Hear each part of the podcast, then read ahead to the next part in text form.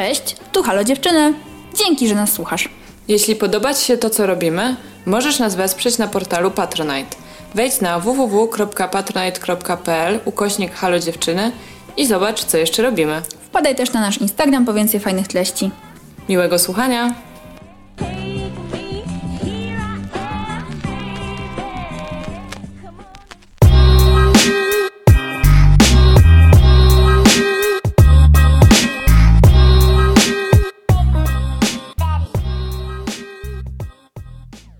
Cześć, ja jestem Zosia. Cześć, ja jestem Ula. To jest nasz podcast. Halo, dziewczyny. dziewczyny. Dzień dobry, dziewczyny. Ula zaśpiewała, czyli zaczynamy nagrywanie. Cześć dziewczyny i wszystkie osoby i cześć e, nasza gościni. Jest z nami dzisiaj Ola. Cześć, to ja jestem Ola. Cześć, Ola. Ola jest psycholożką i psychoterapeutką, która zgodziła się przyjść tutaj do nas i pogadać z nami o lęku, bo dzisiaj robimy kontynuację naszego wcześniejszego odcinka. Lęk, część druga. Dum, dum, dum, dum. Właśnie chciałam zrobić dokładnie to samo. Taki, wprowadzić e, element muzyczny kolejny. Pogadamy sobie z Olą na ten temat i jeszcze do tego mamy pytania od Was, za które bardzo dziękujemy i też Ola postara się na te pytania odpowiedzieć. Będę się bardzo starać. Super. No dobrze. To może pogadajmy o tym, zacznijmy może od takich podstaw, czyli czy problem lęku Twoim zdaniem się ostatnio jakoś nasilił? Czy na przykład widzisz to w gabinecie u siebie? Bo ja czytałam takie rzeczy w prasie na przykład, także gdzieś tam te mm, zaburzenia lękowe na przykład coraz częściej się pojawiają, ale czy Ty jakby podzielasz taką, takie spostrzeżenie? Problem lęku w takim rozumieniu zaburzeń lękowych, czy tego, że ludzie w ogóle odczuwają lęk i jest to dla nich czymś dziwnym? Bo to dwie różne rzeczy. Okej, okay, no to może to drugie najpierw, że odczuwają lęk i jest to dla nich czymś dziwnym. Tak, tego jest coraz więcej, bo mam wrażenie, że ludzie są coraz bardziej odcięci od emocji, które przeżywają. I w sytuacji zamknięcia, czy ogólnie COVID-u, byli troszeczkę skonfrontowani z tym, co się u nich dzieje, bo odcięto im niejako strategie unikowe i, możliwości odcinania się. Więc sam fakt, że w ogóle lęk czują dla niektórych osób w ogóle był szokiem. Mhm. Natomiast jeśli chodzi o same zaburzenia lękowe, tak z mojej pracy myślę, że było ich bardzo dużo i jest ich bardzo dużo.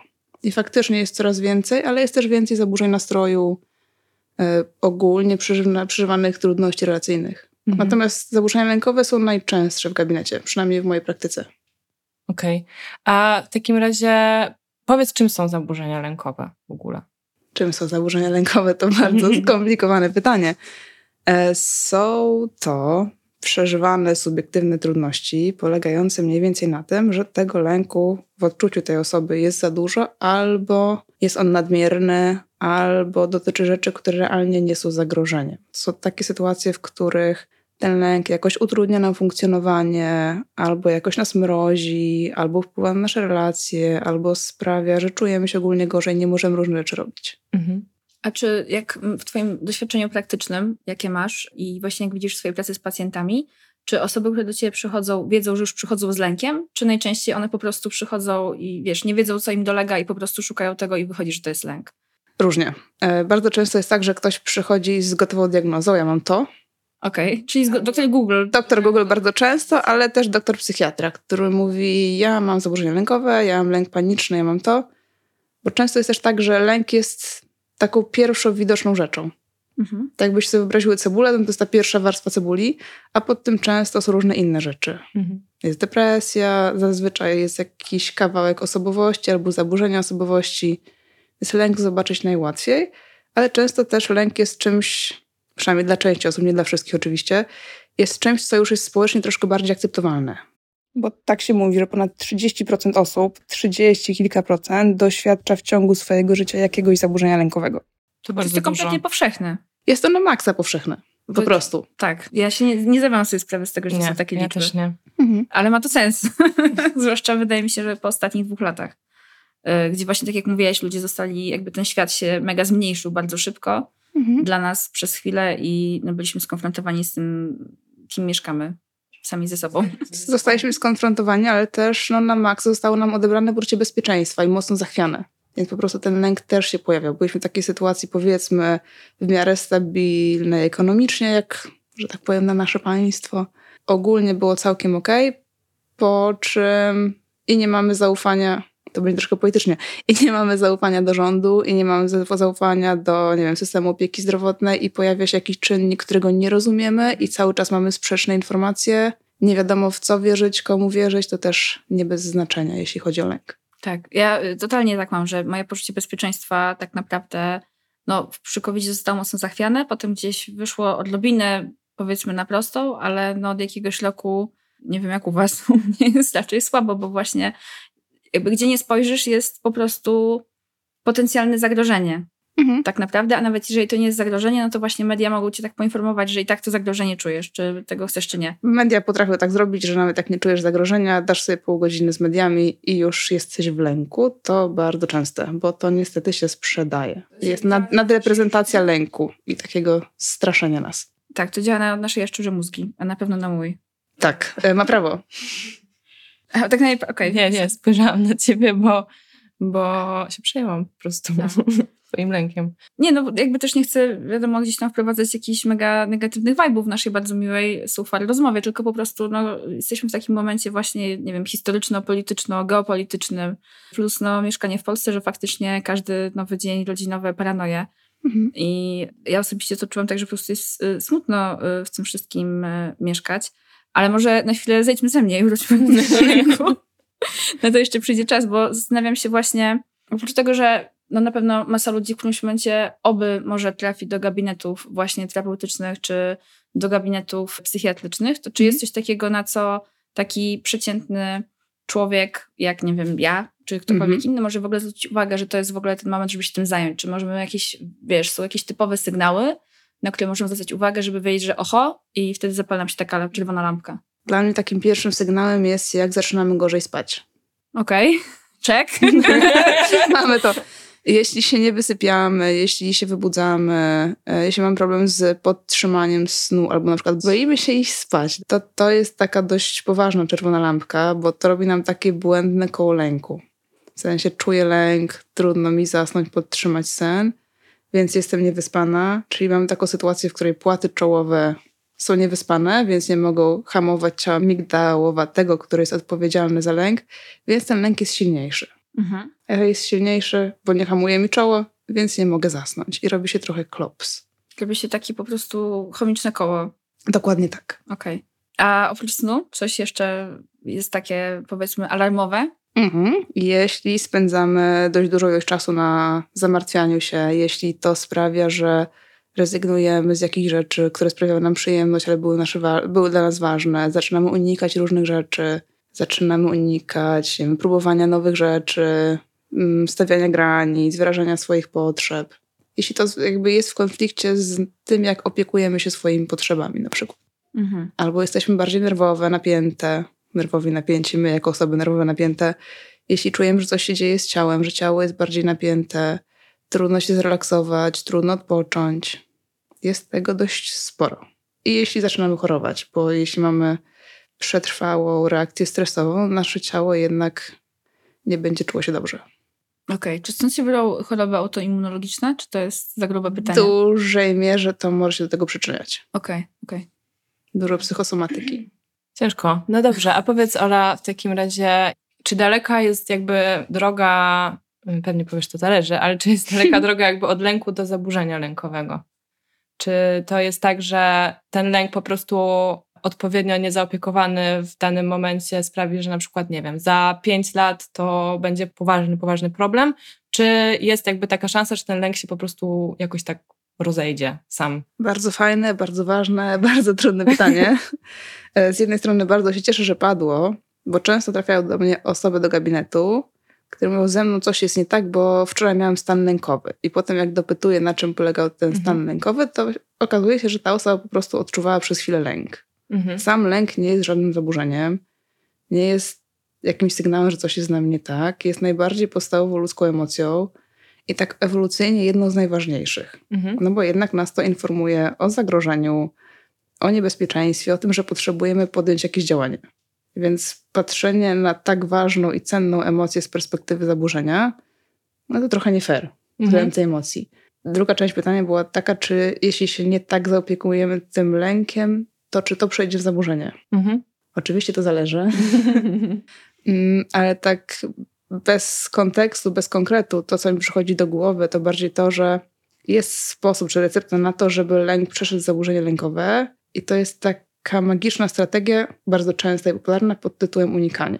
To znaczy, jeśli czujemy lęk, czego się obawiamy i zaczynamy tego unikać, to z każdym razem boimy się bardziej i wtedy faktycznie to się może rozwinąć mhm. w coś, co już będzie wpadało w kryteria zaburzenia lękowego. A to jak mamy ten lęk, powiedzmy, na początku pojawia się, załóżmy, pierwszy raz albo pierwszy raz jesteśmy tego świadome, no. to co najlepiej jest z tym zrobić? Po prostu spróbować się temu jakoś przyjrzeć? Czy... Spróbować się przyjrzeć, zastanowić się, co ten lęk nam komunikuje. Masz jakiś przykład? Nie musi być twój, może być koleżanki. koleżanki. Wiesz co, ja akurat y, mam chyba to szczęście, że nie odczuwam wielu lęków, no ale y, no dobra, no to może jako przykład weźmy bardzo tematycznie lęk przed zajściem w ciążę. Bardzo teraz chodliwy temat. Tak. No właśnie mi się śniło to, że byłam właśnie w niechcianej ciąży, więc właśnie dlatego przyszło do głowy. Tak, był to bardzo nieprzyjemny sen, ale again, to nie jest moja psychoanaliza, więc to zaparkuję. no Okej, okay, ale możemy tak sobie spojrzeć na to z kilku perspektyw. Na temat tego, co realnie ten lęk komunikuje. No bo mhm. sam lęk, zajdę w ciążę, no to to jest taka myśl, która nam przychodzi do głowy. Pod tym jest jeszcze taki poziom znaczenia. W sensie, jeśli zajdę w ciążę, to. I dla kogoś to może być, będę w ruinie finansowej, skończę na ulicy. Dla kogoś może być, nie dam sobie z tym rady, nie mam wystarczających kompetencji. Dla kogoś innego, moje życie się skończy, nie będę miała miał czasu na swoje potrzeby. No i każdy z tych obszarów no, powoduje realnie inny lęk. Że się dotyka innego dla nas znaczenia, innego wrażliwego kawałka. Mhm. A z tego, to też jest może jakieś uproszczenie z mojej strony, jak cię słucham, no to dla mnie, okej, okay, lęk przed wylądowaniem na ulicy i w ogóle, czy tam, nie wiem, nagle straceniem jakiejś zależności ekonomicznej, w ogóle pieniędzy, powiedzmy, tak? No to to jest też, brzmi jak, dla mnie jak coś, co się mega odnosi do jakichś wczesnych przeżyć dzieciństwa, że w sensie te wszystkie rzeczy gdzieś tam jak o tym powiedziałaś, to ja miałam takie skojarzenia, są mega pierwotne, no bo na przykład brak tych kompetencji, no to też brzmi jak coś takiego, co wynieśliśmy, nie wiem, jest to bardzo głębokie może coś. Zazwyczaj jak czujemy lęk, to dotyka czegoś jednak głębokiego. Okej, okay. czyli to są po prostu jakieś mega grube, skrywane w tej warstwie cebuli tematy. Tak, na przykład boję się, że skupię się na dziecku, nie będę miała czasu dla partnerki, partnera, moja relacja się sypnie, ja zostanę sama, nie dam rady, nie poradzę sobie bez pomocy osoby z zewnątrz będzie mi do tego jeszcze smutno, to mam osobowość zależną na przykład. Znaczy nie do końca, ale taki powiedzmy rys osobowości zależnej. Mhm. I odpowiadając na twoje pytanie, co zrobić z tym lękiem, tak. zastanowić się, co on komunikuje. W sensie sprawdzić, czego realnie się boję i na ile jest to realistyczne. Mhm. To tak brzmi oczywiście bardzo prosto z zewnątrz. Jak człowiek jest w lęku, to jest troszkę trudniej to zrobić, Dlatego czasami łatwiej to przegadać z kimś. Odbić to. Z... Odbić to o kogoś, o perspektywę drugiej osoby, która teraz tego lęku nie odczuwa, nie ma skłonności na przykład do katastrofizacji. Zast- uśmiechasz się, tak rozumiem, jakieś znajome kawałki tutaj teraz. E, no, poruszamy sobie dla... temat tendencji do katastrofizacji i nie omawiam z nimi lęków, tak? Been there, not, not done that. Ale właśnie, bo jak nawet mówiłaś o, tych, e, o tym przykładzie ciąży, no to właśnie łatwo moim zdaniem przejść z jednego do drugiego, tak? Że łatwo, żeby te problemy nagle szybko się mnożyły, kiedy zaczynamy się nad nimi zastanawiać. Tak, no bo że najpierw jakby masz ten lęk pod tytułem boję się, że zajdę w ciążę, ale ty powiedziałaś, że pod tym jest też ten lęk, że właśnie, bo sobie nie poradzę, bo będę w ruinie finansowej, bo coś tam. A, okay. I czy jakby rozkminianie tego na tylu levelach nie sprawi, że będzie gorzej. Czyli w tym momencie powiedzieć sobie stop, ta rozkminia dobiega końca. No tak, te rzeczy, które wymieniłam, to tak sobie wyobrażam, że raczej w większości przypadków jedna osoba nie będzie miała wszystkich tych kawałków. Chodzi o to, że ten lęk zajdę w ciążę, to jest lęk przed konkretną sytuacją, którą nie jest sama ciąża, tylko jej konsekwencji zazwyczaj. Z mojej perspektywy fajnie obejrzeć, jakich konsekwencji realnie się boję, dlatego że to nie jest kreowanie problemu, tylko trudność już odczuwana głębiej. Mhm. I ten lęk jest tylko takim objawem tego, że coś takiego przeżywam. Więc rozumiem, że jego pytanie było takie, czy się temu przyjrzeć, czy jakoś z tym mocniej dealować, czy jakoś tak zagładzić powierzchu i sobie iść dalej, bo może nic się nie stanie. Raczej bym szła żeby to obejrzeć, niekoniecznie od razu wszystko tam prostować, ale być świadomą, jakie mam kawałki, co mi się może włączać. To, to tak naprawdę to odkrywa, tak? Ta tak. karta. Mhm. No tak, pamiętam jak poszłam na swoją pierwszą e, psychoterapię i właśnie moja terapeutka mnie spytała, e, dlaczego jak coś tam się dzieje, to ja zamiast e, z ciekawością się przyjrzeć problemowi, to właśnie się martwię albo od niego uciekam. Mówię, no bo jak to? No bo to jest problem. nie jestem go ciekawa, nie chcę mu się przyglądać, ja chcę, żeby on zniknął. Też twoja odpowiedź jest z lęku. Mm. Mhm. Zostałam zanalizowana. Dang. Tak. Aż, aż kusi, żeby to pociągnąć dalej, ale myślę, że byłoby to mało etyczne, gdyby nie było na to twojej zgody. E, ale tak, no jak czujemy lęk, to rzadko kiedy chcemy się z nim konfrontować, a takie pytanie, dlaczego się nie przyglądasz mu z ciekawością, to jednak dlaczego nie konfrontujesz mhm. się ze swoim lękiem, to po prostu dla ludzi jest trudne. Jakie mogą być potencjalne przywarunki do przyjrzenia się swojemu lękowi? W sensie, co jest potrzebne? Tak, Albo zgromadzenie jakich rzeczy, na przykład, nie wiem, czy być w jakimś spokojnym miejscu, czy cokolwiek. Jak, jakie są najlepsze warunki, żeby faktycznie, nie wiem, być wyspanym, najedzonym? To zależy od osoby, bo tak, jeśli chodzi o bycie najedzonym, czy bycie wyspanym, no to jak się nie wyśpisz, nie najesz i będziesz na granicy swoich potrzeb, to większa szansa, że ten lęk wyskoczy, więc większa szansa, żeby go zobaczyć. No trochę twoim kosztem, bo nieprzyjemnie, ale tak naprawdę no, zależy od tego, co daje nam poczucie bezpieczeństwa. To zależy od osoby, bo dla wielu osób to będzie bezpieczna relacja, w której mogą się czymś podzielić, czy z rodziną, czy z przyjaciółką, przyjacielem, przyjaciółmi, czy z jakoś w terapii, z terapeutką. To może być odcięcie się od dystraktorów, to może być przede wszystkim wyłączenie unikania, czyli nie odcinanie się używkami, nie odcinanie się sportem, seksem, pracą, tysiącem innych rzeczy. Dużo zależy od tego, jak sobie z tym lękiem radzimy i co robimy, żeby go nie czuć na przykład. A to w jaki sposób ludzie sobie najczęściej radzą? E, właśnie wymieniłaś teraz kilka rzeczy, tak, żeby nie zajmować się tym. To są właśnie ucieczki w używki na przykład? Czy bardziej, czy każdy po prostu ma swoją ucieczkę i tam się realizuje? Dziesiątki sposobów, w jaki unikamy. Mhm. Bardzo popularne oczywiście będą używki, bardzo popularny teraz będzie sport. Szalenie popularna strategia, która jest społecznie akceptowalna, to jednak praca. No nie mogę teraz się czymś zająć, bo jestem w pracy. No pracuję 18 godzin dziennie, no ale przecież... 16, no. 16, 16 jest super, a jak się ma 18, to już w ogóle mega. Nie mogę się teraz tym zająć, bo mam tysiące ważniejszych rzeczy. Bardzo fajnie działa samo poświęcenie, czyli bycie przy potrzebach innych osób. Mhm. Wśród terapeutów też bardzo popularna odcinka poprzez pracę, czyli bycie przy potrzebach innych osób, bo wtedy może odpocząć od swoich na przykład. Tak łatwiej jest często pomóc komuś y, niż sobie samemu, więc. Tak, tak. Witamy w zawodzie. Y, co tam jeszcze może być? Leki, palenie, seriale są fajną odcinką. O, no tak. Nie wszystkie odcinki oczywiście są złe. Czasami potrzebujemy odpocząć od własnej głowy, złapać dystans. Pytanie, w jakim robimy to celu? Czy żeby się zregenerować i potem ze świeżą głową móc się czymś zaopiekować, czy po to, żeby w ogóle nie czuć? Mhm. mhm. A jest jakiś moment, kiedy można rozpoznać, ok, to jest to, gdzie już przegięłam z tą ucieczką? Czy to po prostu musimy wyczuć w sobie, że już wiemy, że to jest same przed sobą odpowiedź na to, że już właśnie w tym momencie uciekamy? Czy nie ma, nie ma tego uniwersalnego? No? nie ma uniwersalnej liczby godzin unikania, które powie, o, to już jest to. To będzie dość subiektywne. I jeśli złapiesz się w takim momencie, że generalnie to nie do końca wiem, co u mnie słychać, nie do końca wiem, jak ja się z tym wszystkim czuję, albo czuję, że moje emocje są troszkę wypłaszczone, albo że jestem troszkę napięta i mam wrażenie takiego kołowrotka, to może być to.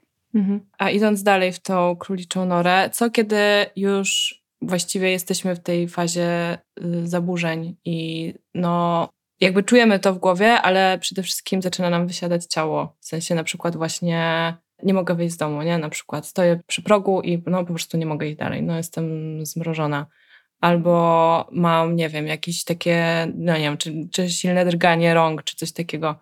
Czy jakby to jest na przykład moment, że trzeba, załóżmy, nie wiem, pójść do psychiatry też, czy, czy w ogóle po prostu rozwalić na samej psychoterapii. Chodzi mi o to, jakby, czy w którym momencie to leczenie musi przejść na przykład na farmakologię, albo czy w ogóle musi. To też będzie bardzo zależało od tego, jak ten lęk na nas realnie wpływa bo czasami natężenie lęku będzie tak silne, że ciężko będzie w ogóle podjąć pracę psychoterapeutyczną, bo nie będzie dostępu do tych treści. Więc jeśli to jest aż tak silne, że nie wychodzimy z domu, to fajnie pójść najpierw do psychiatry, z nim przegadać co i jak, bo być może farmakoterapia będzie skazana, być może można bez tego i równolegle pociągnąć psychoterapię. Okej. Okay. Ciekawa jestem jakby, czy zawsze właśnie potrzebne są te leki, nie? Czy, jakby, czy to... Nie zawsze, ale zdecydowanie da. jest sporo sytuacji, w których one bardzo pomagają. Pomagają osiągnąć jakby taki stan, że tak powiem, w mózgu, w którym w ogóle interwencje psychoterapeutyczne są możliwe. Mhm. Jasne. No, bo też y, masa ludzi się boi y, brać leki, nie? Też jakby znam kilka osób, które nie, jakby totalnie nie chcą tego robić. Mhm. Po prostu tak jest to interesujące. Czy jakby jest to faktycznie po prostu taka rzecz, którą trzeba zrobić, czy można bez. Ale... Podejrzewam, że to będzie bardzo indywidualna jednak sprawa. Jasne. Bo pracuję z ludźmi, którzy biorą leki, którzy nie zdecydowali się na leki albo dostali receptę na przykład na leki doraźne, na bardzo wysoki lęk i też nie zawsze z nich korzystają. Okej. Okay. Um, zanim zaczęłyśmy nagrywać, e, powiedziałaś, że lęki też potrafią być śmieszne. Rozwiń proszę. śmieszne może nie, że zabawne. E, zabawne zależy dla kogo i kiedy. Aczkolwiek w terapii, jak pracuję z kimś dłużej i ktoś już ma świadomość tego, jak działają różne jego schematy myślenia i przeżywania i jak działają lęki, to ta osoba często łapie dystans do tego, co ten lęk mówi. I czasami jak po dłuższej pracy taki lęk wchodzi, to ta osoba zaczyna po prostu się z niego śmiać, bo widzi, jak bardzo nie pasuje do rzeczywistości, jak bardzo jest nieracjonalny. Okej, okay, czyli to trochę jak ten dementor z szafy po prostu. Trochę Troszeczkę. robisz z niego nie dementor, tylko jakiś tam inny, jak się nazywał ten stwór w Harry Potterze? Bogus. Tak. Przynajmniej w angielskiej tak. Bogin? Bogin? Nie pamiętam. Ale dobra, wiecie o co chodzi. Oglądałyście Harry'ego Pottera na pewno. E, czyli po prostu doprawiamy mu tam jakiś śmieszny kapelusz i, i, i zakładamy dziwną kieckę i już nie jest taki straszny. Mhm. Troszkę jakby ośmieszamy coś, co realnie na początku powodowało ogromne cierpienie. Wspomniałam o tym lęku e, przed lataniem e, i powiedziałaś, że to jest bardzo specyficzny lęk. Dlaczego on jest specyficzny? Bo bardzo dużo osób się boi latać i dlatego myślę, że to może być przydatne. To jest taki lęk, na którym ja przyznam za bardzo dobrze się nie znam. Czasami pracuję z ludźmi, którzy go odczuwają i łączymy to z tym, czego realnie się boją, robimy jakąś dekatastrofizację. Jest taka teoria, że to generalnie jest bardzo atawistyczny, taki pierwotny i służący nam lęk. Tak samo jak lęk przed wężami na przykład. Będzie takim lękiem, ktoś użył takiego słowa ewolucyjnym, że to jakby nie jest dla człowieka naturalne. Okej. Okay. E, no tak, ale niektórzy się nie boją latać, w sensie, albo na przykład uwielbiają, tak jak ja bardzo lubię latać. Ula uwielbia mhm. latać samolotem. Ja tak średnio, ale się jakby nie czuję lęku, kiedy jestem w samolocie.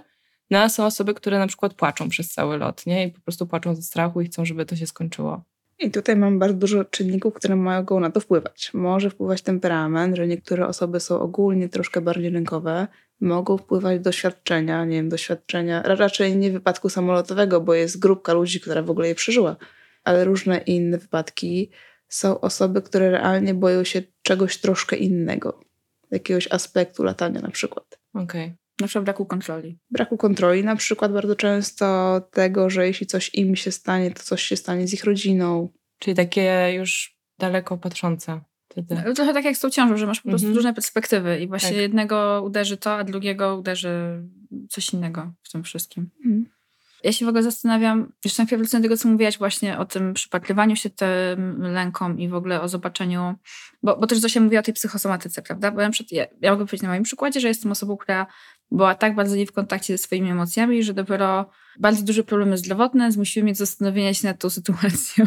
Częsta sprawa, bo czasami jest tak, że jak twoja głowa się nie zatrzyma. To, to jest odcięte po prostu. Tak, to jakby to ciało musicie tak. zatrzymać, bo inaczej skończycie kiepsko. Tak, tak. I po prostu u mnie ten system był odcięty, głowa sobie, ciało sobie i to się tam skończyło, jak się skończyło.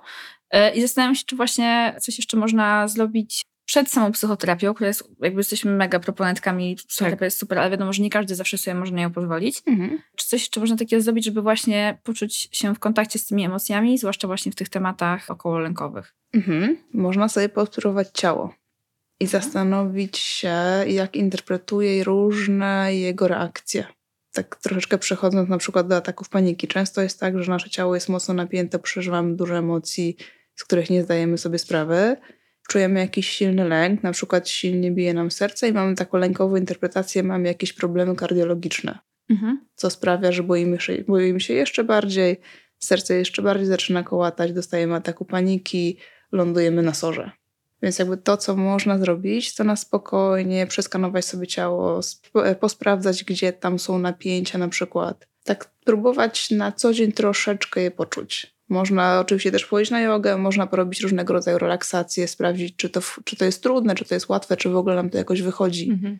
Troszkę tak się powoli oswajać, aczkolwiek łatwiej jest to zrobić, będąc jednak w terapii, to nie będę tego ukrywać. Tak, no ja tak ja zgadzam się z tobą. Jeszcze nie wiem, to, właśnie nie wiem, jak to jest robić nie w terapii, ale no zakładam, że ktoś po prostu może tego y, potrzebować. Tak, no to jest trudne. Znaczy może to jest y, trochę taki z boku przykład, ale kiedy pierwszy raz w życiu poszłam na medytację, e, chyba ostatni, bo potem już go medytowałam sama, e, ale nie z powodu tego, że medytacja była kiepska, tylko po prostu myślałam, że oszaleję na tej medytacji. W sensie mój umysł po prostu pędził we wszystkich możliwych kierunkach.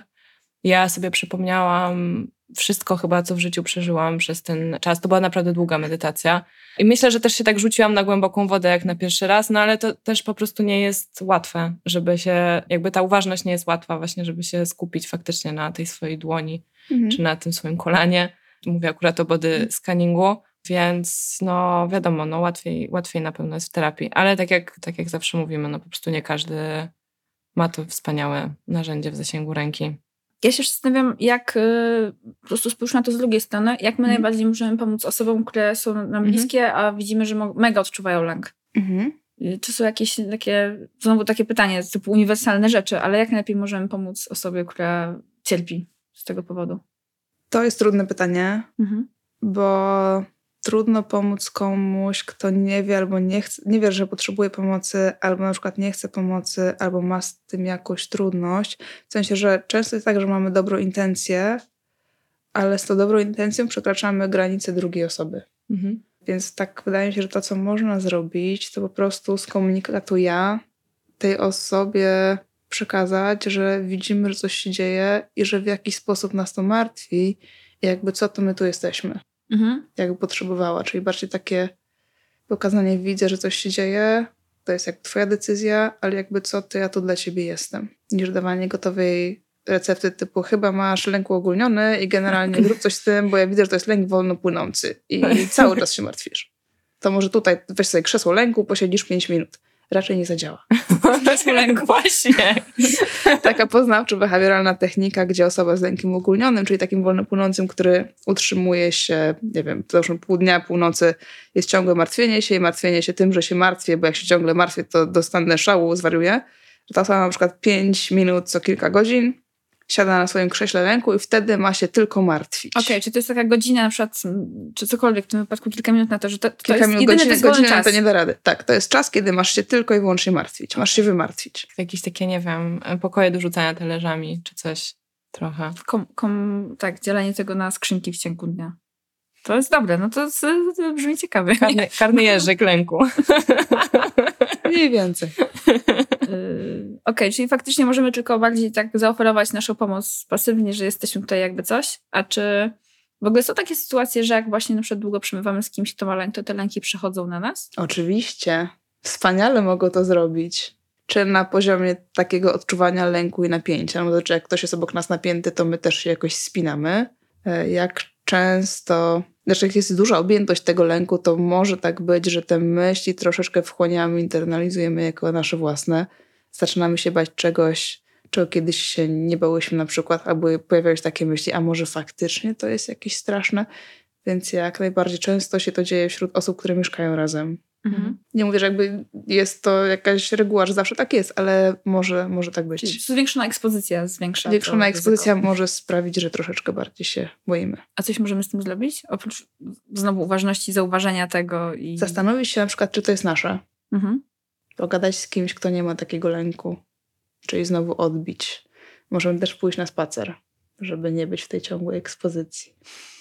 Ciężka sprawa, ze spaceru trzeba wrócić kiedyś, albo i nie. Wyjść po fajki i nie wrócić. Możemy się zastanowić na przykład, co się dzieje z tą osobą. Mhm. I pamięt, jakby patrzeć na to z tej perspektywy.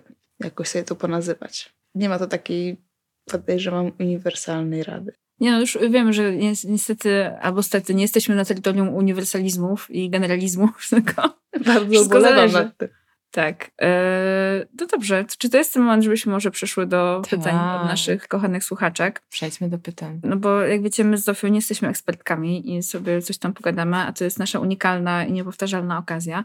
My tych pytań dużo zadałyśmy, więc rozpoczynając może temat... Y, no to właśnie jedna z naszych słuchaczek zarzuciła nam taki temat, lęk społeczny. Jak poradzić sobie z lękiem społecznym? Mhm.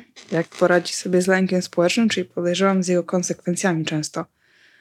To jest dość skomplikowane pytanie. A czym jest lęk społeczny? Lęk społeczny to jest taki kawałek lęku, który dotyczy innych osób, a właściwie ich oceny. Mhm. Oceny nas. Bo mamy różne kawałki lęku. Mamy lęk o nasze ciało, na przykład ataki paniki. Mamy lęk związany z innymi i to będzie lęk społeczny. Mamy lęk związany z przyszłością. Ten dotyczy, dotyczy raczej oceny innych. Mhm to często jest domena osób, które na przykład w dzieciństwie były nieśmiałe, albo miały od rodziców bardzo duże wymagania i często miały taki komentarz, że są jakbyś niewystarczająco dobre, albo że to, czego chcą, jakby jest nie takie. Często jakby rodzice podejmują za takie osoby decyzje. Mhm. Ty, ty nie mów, ja będę mówić za ciebie, bo on taki nieśmiały na przykład. E, I potem dochodzi do sytuacji, w której przy ekspozycji społecznej, czyli na przykład, nie wiem, wystąpie, wystąpieniu na prezentacji albo wejściu w nową grupę ludzi, bez żadnych używek, bez odcinki, mamy duży lęk, ale mamy też objawy somatyczne lęku. Na przykład zaczynamy się pocić, trzęsą się ręce, trzęsie się głos. Do tego często dochodzi bardzo silne unikanie i może się skończyć tak, na przykład, że ta osoba przestaje w ogóle wychodzić z domu mhm. albo pracuje tylko z domu. Doskonały czas dla osób z lękiem społecznym był teraz sporo też osób, które lęku społecznego nie, ma, nie miało po lockdownie w jakiś sposób go odczuwa. Mhm. Jak sobie można z nim radzić? Uch, to będzie trudne. Zaakceptować w jakimś zakresie, że bez zgodzenia się na pewien poziom dyskomfortu związany z odczuwaniem lęku, z tego nie wyjdę. W takim sensie, że tutaj potrzebna będzie pewnego rodzaju praca, oczywiście nad przekonaniami na temat siebie, innych osób, też eksponowania się na lęk, eksponowania się na sytuacje, których się boimy i zaakceptowania tego, że będziemy w jakiś sposób przechodzić przez dyskomfort płynący z lęku. To unikanie w tym wypadku jest turbo niemożliwe. Tak, bo unikanie zazwyczaj jest częścią mechanizmu, żeby nie powiedzieć, że głównym mechanizmem podtrzymującym lęk społeczny, więc tutaj w terapii dążymy do ograniczenia albo wyłączenia unikania w różnych aspektach. Mhm. Prowadziłam kiedyś terapię grupową dla osób z lękiem społecznym to był dość ciekawy projekt, dlatego że trudno mieć taki łatwy proces grupowy, jak mamy 8 osób w lęku społecznym. Więc to było, tak... było na żywo. Tak. Mhm. E, więc super, że w ogóle przychodzili. I robiłyśmy taki protokół. Nie jest to sposób, w jaki zazwyczaj pracuję, ale opierał się głównie na robieniu ekspozycji. Mhm. Czyli wchodzeniu w sytuacje, których się obawiam, z nowymi przekonaniami, z pewnego rodzaju planem, omówione krok po kroku, ale też z obserwowaniem poziomu napięcia i przechodzeniem przez to napięcie, aż ono spadnie. Bo to, co jest ważne w lęku i o czym warto zawsze pamiętać, to to, że on podnosi się do określonego poziomu i nie będzie trwał wiecznie. Kiedyś zacznie spadać. Mhm. Warto pamiętać. Warto pamiętać. Wszystko, wszystko mija. Warto też pamiętać, że każde unikanie nasila lęk, bo dostanie, dostajemy pozytywne wzmocnienie, bo odczuwamy ulgę, mhm. I to jest dość zgubne. No dobra, to następne pytanko. Co to jest atak paniki i w ogóle jak do niego podejść? Bo ja akurat miałam to szczęście, że nigdy nie przeżyłam ataku paniki. Ja też nie. A brzmi dla mnie bardzo przerażająco. I nie dziwię się, że osoby, które jak relacjonują to, co się z nimi dzieje, no to jest mega ciężkie, mam wrażenie. Skąd to się w ogóle bierze? To jest właśnie jakaś reakcja na przeładowanie tego lęku? Podejrzewam, że nie każdego, ale wiele osób, bo dość duży odsetek osób generalnie z atakami paniki się zmaga. Atak paniki to jest bardzo nieprzyjemna, kilku, co najmniej kilkuminutowa reakcja lękowa, w której pojawia się lęk, że generalnie zaraz umrzemy. Potwornie nieprzyjemna sprawa. Polega to na tym, że jest jakaś sytuacja, która powoduje u nas lęk, czy jakaś myśl, postrzeganie sytuacji, czy jakiś bodziec. W odpowiedzi na ten bodziec pojawia się lęk i pojawiają się objawy lęku z ciała. I to, co jest niezbędne od tego, żeby powstał tak paniki, to tak zwana błędna interpretacja. Mhm. Czyli na przykład mam przyspieszony oddech, czyli duszę się, albo bije mi serce, mam problemy z sercem. Hiperwentyluję się, więc mam zawroty głowy, czyli mdleję. albo mam globus hystericus, czyli takie poczucie posiadania obcego ciała w gardle, czyli coś mnie przedusza, czyli zaraz umrę. Albo na przykład gorzej widzę, kolejny taki klasyczny stresowy objaw, bo nie potrzebujemy jakoś super, super widzieć, mamy trochę inną wizję, kiedy mamy uciekać albo się z kimś bić mhm. w reakcji stresowej i wydaje mi się na przykład, że mam udar. Mhm. Kiedy pojawi się ta myśl, lęk staje się silniejszy i objawy stają, stają się silniejsze. Robi się takie błędne koło lęku. Często jeszcze do tego dodajemy tak zwane zachowania zabezpieczające, czyli na przykład czuję, że mdleję, bo się hiperwentyluję, chociaż tak naprawdę no nie mdleję, bo ciśnienie mi rośnie, a nie spada, więc siadam, bo czuję, że zaraz się przewrócę. Usiadłam, lęk się zmniejsza, czyli potwierdzam sobie, że mam jakiś problem zdrowotny, skutek czego z czasem boję się jeszcze bardziej. To jest atak paniki, szalenie nieprzyjemna sprawa. No, tak brzmi. I czy on sam może minąć, czy trzeba jakby sobie uzmysłowić, że to jest atak paniki? W sensie, bo możesz nie wiedzieć, że to, tak, no bo to właśnie o to chodzi, że nie wiesz, że to jest atak paniki, dopóki ktoś ci tego nie powie. Masz atak paniki, na przykład rób to i to. To jeżeli nie wiesz tego, to po prostu minie samo, czy faktycznie dostajesz tego zawału? Raczej nie, nie dostajesz zawału, na szczęście. Zazwyczaj on mija sam, tylko po prostu jest potwornie nieprzyjemny, mhm. często jest nieprzewidywalny. Trudno nam połączyć co z konkretną sytuacją. Mhm. Mhm. Po jakimś czasie mija, ten lęk może trwać dłużej, krócej, no ale skoro ludzie zgłaszają się do lekarzy mówiąc, że miałem to, to, to i to, to znaczy, że zazwyczaj, zazwyczaj na jakiś czas jednak minął. Okej. Okay. I właśnie pytanie w kontekście takiej paniki, jakie miałyśmy, y, Pytanie, na które nam się wydaje, że umiemy odpowiedzieć, ale zadamy tobie mimo wszystko, bo zadaje słuchaczka. Czy atak paniki po czasie może lub powinien być wypomniany w związku?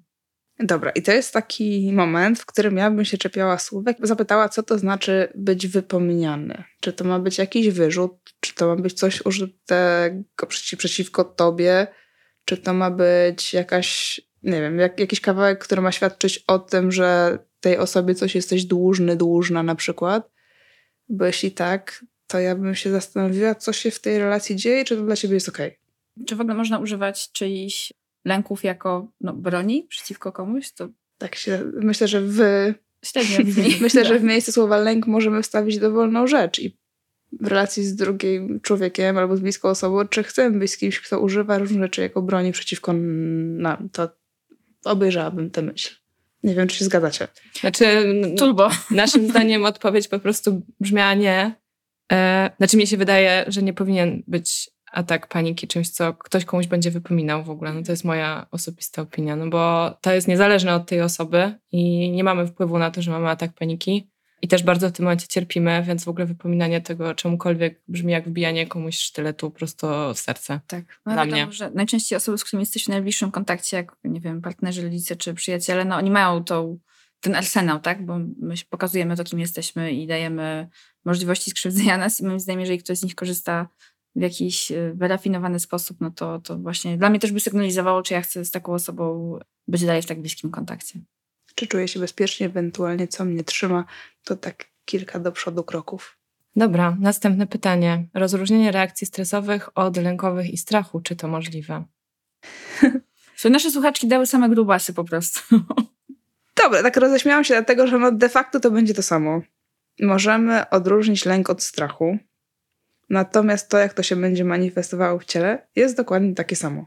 Czyli niezależnie od tego, czy to jest lęk, czyli taka obawa przed czymś, co jest w jakiś sposób abstrakcyjne, nie do końca rzeczywiste, a strachem, czyli takim lękiem tak zwanym rzeczywistym, czyli przed realnym bodźcem, niezależnie które to jest, to reakcja jest taka sama, jest to reakcja stresowa. I tam, z tym mamy właśnie do czynienia w ataku paniki, że mamy lęk, czyli mamy reakcję stresową na coś, co nie jest realnym często dla nas zagrożeniem.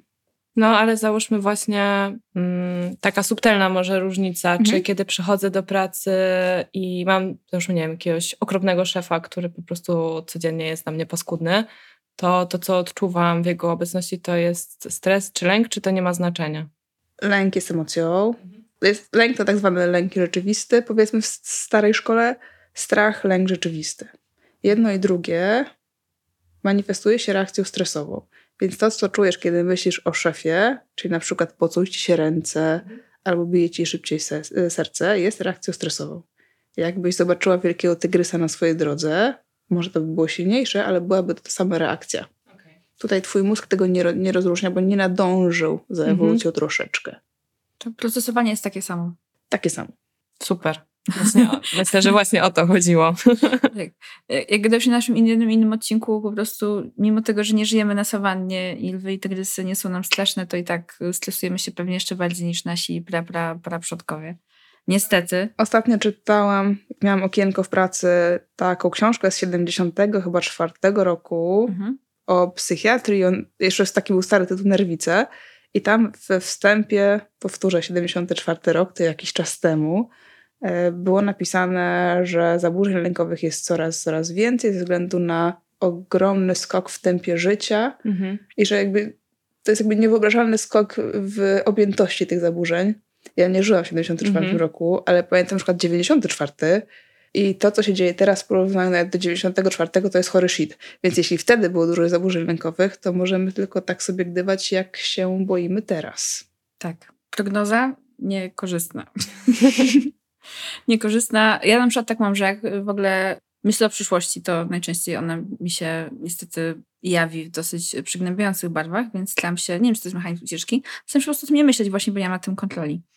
Y, jak będzie wyglądała ta przyszłość, ale jestem ciekawa, bo mamy też takie pytanie o to, czy w ogóle jest jakiś związek lęku z pojawianiem się natręctw. Jakbyś może mogła nam przybliżyć, co to są natręctwa i czy to w ogóle się zgrywa razem, czy... Mhm. Natręctwa, jeśli chodzi o zachowania, czy myśli natrętne? Tu jest, poczekaj, tu jest doprecyzowanie. Natręt na przykład z sprawdzaniem, czy drzwi są zamknięte 10 razy. Czyli zachowania. Mhm. Czy jest związek pomiędzy lękiem a zachowaniami typu sprawdzanie drzwi? Mhm. No jest na maksa.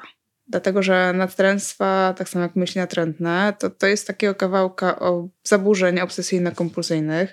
Nie ma pełnej zgodności, z czego to wynika. Zakłada się, że częściowo jest to środowiskowe, w dużej mierze genetyczne, kto zareaguje hmm. na przykład nad natręctwami.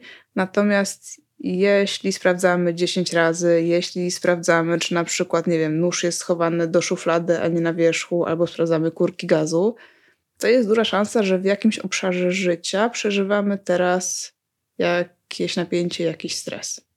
Często jest to sposób, w jaki po prostu napięcie wychodzi, nie dotykając bezpośrednio czegoś, czego realnie się boimy, czyli tego takiego wnętrza cebuli. I co wtedy? psychoterapeuta? Jeśli jakby natężenie tego jest tak duże, że zaburza codziennie funkcjonowanie, to poszłabym do lekarza i do psychoterapeuty też. Natomiast jeśli to jest raz na jakiś czas, sporadycznie, to w większości z nas raz na jakiś czas coś takiego może się zadziać. Nie wiem, czy macie takie momenty, że czasami po prostu sprawdzacie trzy razy drzwi. Znaczy mi się zdarza wstać w nocy, ostatnio nie, ale kiedyś mi się zdarzało, że nie byłam sobie po prostu totalnie przypomnieć, czy ja faktycznie te drzwi zamknęłam i wstawałam, żeby to zrobić, ale raczej nie było to z lęku, tylko z takiego, nie wiem, dziury w pamięci. Ja śpię, nic nie sprawdzam. Jak już, zasnę, jak już, jak już się zasnąć, to Zazwyczaj z jakiegoś powodu jest to przy wychodzeniu z domu. Mhm. Takiego napięcia, czy wszystko ogarnęłam, czy, czy wszystko No tak, bo, no bo wiesz, jakby czy mieszkanie mi nie spłonie, jak mnie nie będzie, czy mhm. właśnie mi, nie wiem... Y dziecko, które zostawiłam się nie tak. utopi. Tak. No jakby mm, rozumiem to poniekąd. Dom jest miejscem, gdzie jest dużo cennych dla nas rzeczy, tak po prostu od serca cennych. Nie mówię o przedmiotach, tylko po prostu to jest ważne miejsce, więc zostawianie go może się wiązać z tym. Pomyślałam, że może właśnie na przykład ja dlatego nie prasuję ubrań, żeby nie zostawić niechcący włączonego żelazka. To pewnie to, to pewnie to, aczkolwiek w przypadku natręt funkcją jest tutaj obniżenie napięcia. Ja na przykład się boję na maksa, że zostawię coś na gazie. Mhm. Bo już mi się zdarzyło kilka razy i na szczęście tylko spalił się garnek. Mhm. No ale mam, tak, mam wizję tego, że po prostu on się nie tylko spali, ale jeszcze inne rzeczy zaczną wtedy płonąć i będzie niebezpiecznie. A często? Tak Wiesz masz? co, teraz mam tak często, bo niestety u mnie w mieszkaniu jest lodówka, która bardzo głośno chodzi i mi się cały czas wydaje, że to jest syczenie gazu, a mam kuchenkę gazową i poza tym też mieszkam wysoko i przez mój oka po prostu wpada wiatr i ten wiatr też szumi i mi się wydaje, że to cały czas syczy ta kuchenka. Ale na szczęście, wiesz, wystarczy, że ja po prostu wstanę, przejdę cztery kroki, sprawdzę, że wszystko jest zakręcone i jest okej, okay, tak? No ale rzeczywiście to syczenie gazu jest dla mnie niepokojące. Nie mam jakichś takich doświadczeń z tym, że nie wiem, ktoś u mnie w rodzinie się tym zatruł, czy coś, coś takiego. Po prostu wiele razy widziałam na filmach, jak wiesz, mieszkania eksplodują bo ktoś zostawił gaz włączony, a potem, nie wiem, zapala papierosa. Jest taka, taki film Nikotyna Jest to dokładnie taka scena, gdzie piękny Diego Luna niestety ginie w ten sposób. Pytałam o to, żeby tak podkreślić to, że o ile na przykład jeśli raz na jakiś czas coś takiego się zdarzy, to jakby spoko, to ile jeśli mamy do czynienia z takimi częstszymi, takimi, nie chcę używać słowa prawdziwymi, ale takimi bardziej wymiernymi natręctwami, które pojawiają się wielokrotnie w ciągu dnia, przysparzają nam dużo cierpienia, jakoś upośledzają nasze kontakty społeczne, bo na przykład, nie wiem, partner, partnerka się wkurza, że siódmy raz wracam do samochodu sprawdzić, czy tam wszystko wziąłem, wzięłam, to, to będzie troszeczkę inna sytuacja. Mhm.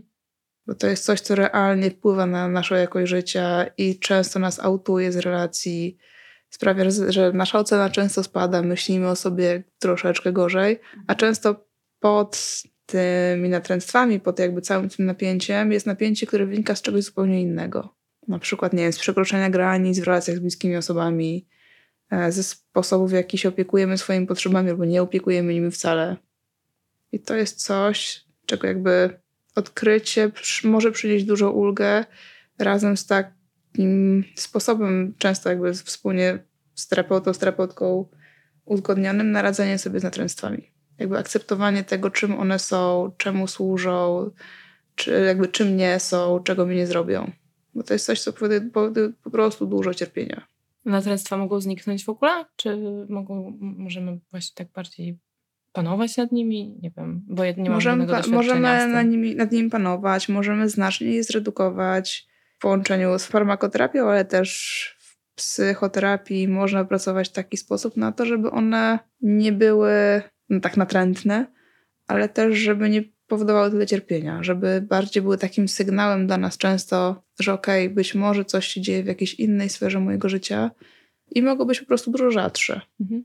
Mamy jeszcze takie pytanie o stany depresyjne od jednej z naszych słuchaczek. Czy można mieć je parę miesięcy i z nich wyjść? I czy mogą się one powtórzyć? Tak i tak. Dziękujemy. Ale stan depresyjny to nie jest depresja. Or is it? To jest y, dobry spór, bo generalnie, że powiedzieć o epizodzie depresyjnym, to możecie mnie sprawdzić, czy dobrze pamiętam kryteria diagnostyczne, gdyż przestałam diagnozować dość dawno temu, raczej pracuję terapeutycznie i jakby diagnozuję to, co jest mi potrzebne, to wystarczy dwa tygodnie. Więc jakby pytanie, co rozumiem przez stan depresyjny, czy to chodzi o epizod depresyjny, wtedy możemy nazwać depresją. Jest coś takiego jak duża depresja, jest epizod depresyjny. Generalnie to jest w worku depresja. Więc tak, one mogą trwać kilka miesięcy, tak, można z nich wyjść, tak, mogą wrócić przy określonych warunkach. Nie tak, że jakby poukładam sobie wszystko i generalnie zaopiekuję się sobą świetnie, one nagle do mnie wrócą, bo nie muszą, ale może tak być, że na przykład coś pójdzie nie tak, o czymś zapomnę, coś pominę, jakaś strategia wejdzie i wróci mi stan depresyjny. Jak najbardziej tak też może być. A niezaopiekowany stan depresyjny zawsze się musi przelecić w depresję, czy może po prostu minąć, bo na przykład, nie wiem, te czynniki, jakie na niego wpływały, zniknęły? Zależy z czego wynika ta depresja, z czego wynika ten No załóżmy, że nie wiem, yy, czuję się fatalnie, bo jestem w Polsce, przeprowadzam się do Hiszpanii, koniec stanów depresyjnych. Byłoby super, nie zawsze działa. no właśnie o to. Zależy co pod tym jest, jakie mhm. przekonania, mhm. co generalnie na ten stan jakby depresyjny, tak brzydko mówiąc, pracuje. Może często słyszałyście, znaczy może ogólnie słyszałyście o takiej strategii jest mi tu źle i generalnie jestem nieszczęśliwy, nieszczęśliwa, przeprowadza się do innego kraju, jest super, a po miesiącu jest to samo, to tak też może w tej Hiszpanii zadziałać, ale nie musi. Jednak jest tam słońce, no. Jest tam słońce, I pomarańcze. Tak. To wtedy suplementacja witaminy D może pomoże, bo może chodzi o to. Chciałybyśmy, żeby tylko... Ale suplementacja witaminy D pomaga. Ważne jest, tak. Pomaga. Wyznaczona przez lekarza odpowiednia dawka tysięcy jednostek jest totalnie gitem, no. zwłaszcza na jesień, zimę. No ja, potwier ja, ja potwierdzam. Jak, y, jak dowiedziałam się rok temu równo, że mam totalnie niski poziom tej witaminy D. Nawet moja dietetyczka mi powiedziała, że już dawno nie widziała tak niskiego i zaczęłam ją tak rzeczywiście regularnie ćpać. To po prostu byłam w szoku, że ja mogę mieć tak dobry humor, że ja mogę być tak zadowolona z życia. To mi się naprawdę nie zdarzyło od lat. Warto pójść do lekarza, sprawdzić witaminę D, sprawdzić tarczycę, jeśli się jakoś tak. gorzej czujemy też, żeby ewentualna wizyta u psychiatry też miała, że tak powiem, ręce i nogi, bo jeśli na przykład mamy wysokie TSH i mamy niedoczynność tarczycy, no to też mamy prawo czuć się wtedy gorzej i łapać doły. Natomiast można się zastanowić na przykład z tej Hiszpanii, czy to tylko słońce, czy jest tak, że słońce sprawia, że czuję się lepiej, czy na przykład to, że bardziej się opiekuję, spędzam więcej czasu na plaży, mhm. łatwiej mi rozmawiać z innymi, odcinam się od toksycznej rodziny inaczej nawiązuje relacje, inaczej się sobie opiekuje. Takie kawałeczki. Każdy inni, wszyscy tacy sami z lękami, czy nie po prostu. Będziemy powoli dopływać do końca. Tak, jest jeszcze tylko jedno pytanie, które chyba gdzieś nam umknęło dotyczące ataków paniki. Czy poza oddychaniem są jakieś sprawdzone sposoby na radzenie sobie z nim? Jasne. Tak, oddychanie jest fajne, bo pozwala wrócić do takiego normalnego toru oddychania, wyjść z hiperwentylacji, wyjść z przyspieszonego oddechu. To zwłaszcza dla osób, które boją się, że na przykład się duszą albo że nie mogą oddychać. W zależności od tego, czego ten atak paniki będzie dotyczył, no to będziemy różne rzeczy robić. To, co tutaj jest najważniejsze, to znalezienie tej myśli, tej błędnej interpretacji i zastąpienie jej taką bardziej realistyczną. Czyli na przykład nie jest tak, że zaschło mi w ustach, bo mam raka, dość częste, tylko dlatego, że jestem w reakcji stresowej, szybciej oddycham. Albo nie jest tak, że moje nogi są napięte i czuję się napięta, bo mam zawał, tylko dlatego, że no, krew, jakby krew jest pompowana do mięśni, bo mam uciekać, mhm. bo jestem w sytuacji stresowej.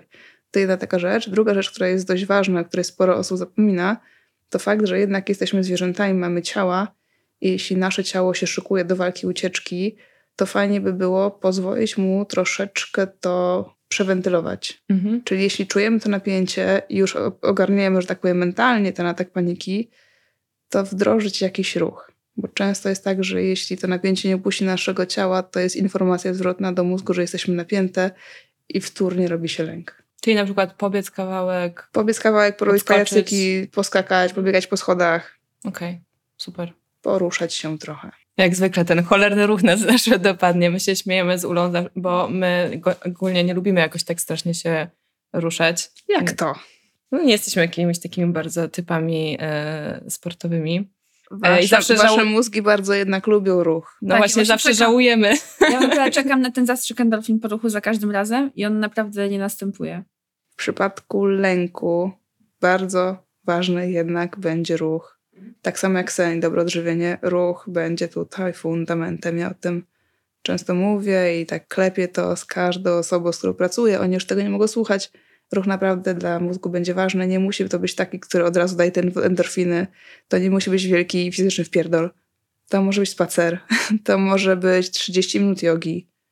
Cokolwiek, co pozwoli ciału troszeczkę się poruszać.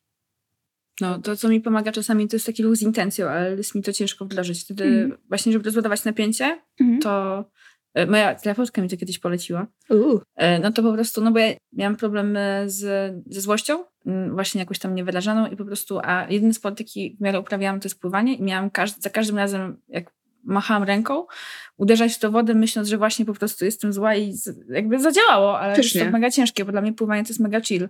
Mm. Musiałam nagle przez 60 minut, zamiast się jak zwykle chillować i mieć pustkę w mózgu w końcu, to musiałam się skupić, że za każdym razem po prostu uderzam tą taflę wody i ta złość ze mnie wychodzi. To delfinem może dwa baseny na przykład, a potem chill można połączyć. Ja miałam dużo złości sobie tamtego dnia, więc, więc 60 minut równo więc klepałam. Dwa kilometry złości po prostu pojechały. Olu, bardzo Ci dziękujemy za to, że tutaj z nami jesteś i że z nami Ty byłaś. Powiedziałaś, mam wrażenie, nam bardzo dużo mądrych rzeczy. Tak. Chciałam zapytać, czy chcesz jeszcze coś powiedzieć sama o tak. lęku? Tak, chciałabym dodać jedną taką rzecz, mhm. że ja to mówiłam, rzeczy takie dość ogólne, które nie muszą się sprawdzać dla wszystkich. Ich chciałabym zachęcić, żeby każda z osób, które słucha, podchodziła do swojego lęku bardzo indywidualnie. To tyle. I że lęk też jest nam potrzebny i jest ok, ale jeśli jest go za dużo, to fajnie jest poszukać pomocy i trochę sobie z tym lękiem podilować, żeby było troszkę lepiej i się wysypiać. O, tyle. No i pływać ze złością. no dobrze, słuchajcie, to w takim razie Olu raz jeszcze dziękujemy i Wam dziękujemy za słuchanie. I jeszcze bardziej chcemy podziękować pewnej grupie osób, która słucha nas trochę więcej niż pozostałe. I są to nasze kochane osoby wspierające nas na Patronite w najwyższym progu. Oh yeah, bogacze. Kryzuski?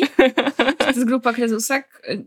Tego nie wiem, ale jest to na pewno grupa bardzo miła i bardzo kochana, więc wymienimy teraz wasze imiona. Tak, dziękujemy bardzo Justynie, dziękujemy Swietlanie, Marzenie, Aleksandrze, Katarzynie, Magdzie oraz Patrycji i Ewie, Joannie, Natalii, Kai i Martynie oraz wszystkim osobom, które są anonimowe i też nas z tego miejsca wspierają. Dziękóweczkę. Dziękujemy, a każdy, każda, kto chce e, coś do nas napisać, z nami o czymś pogadać, może to zrobić pisząc na adres halodziewczyny.gmail.com Jesteśmy też oczywiście na Instagramie i na Facebooku i, i, jest nam bardzo miło, jak na przykład ten odcinek Wam się spodoba i wrzucicie go tam do siebie, nas oznaczycie, to wtedy to widzimy.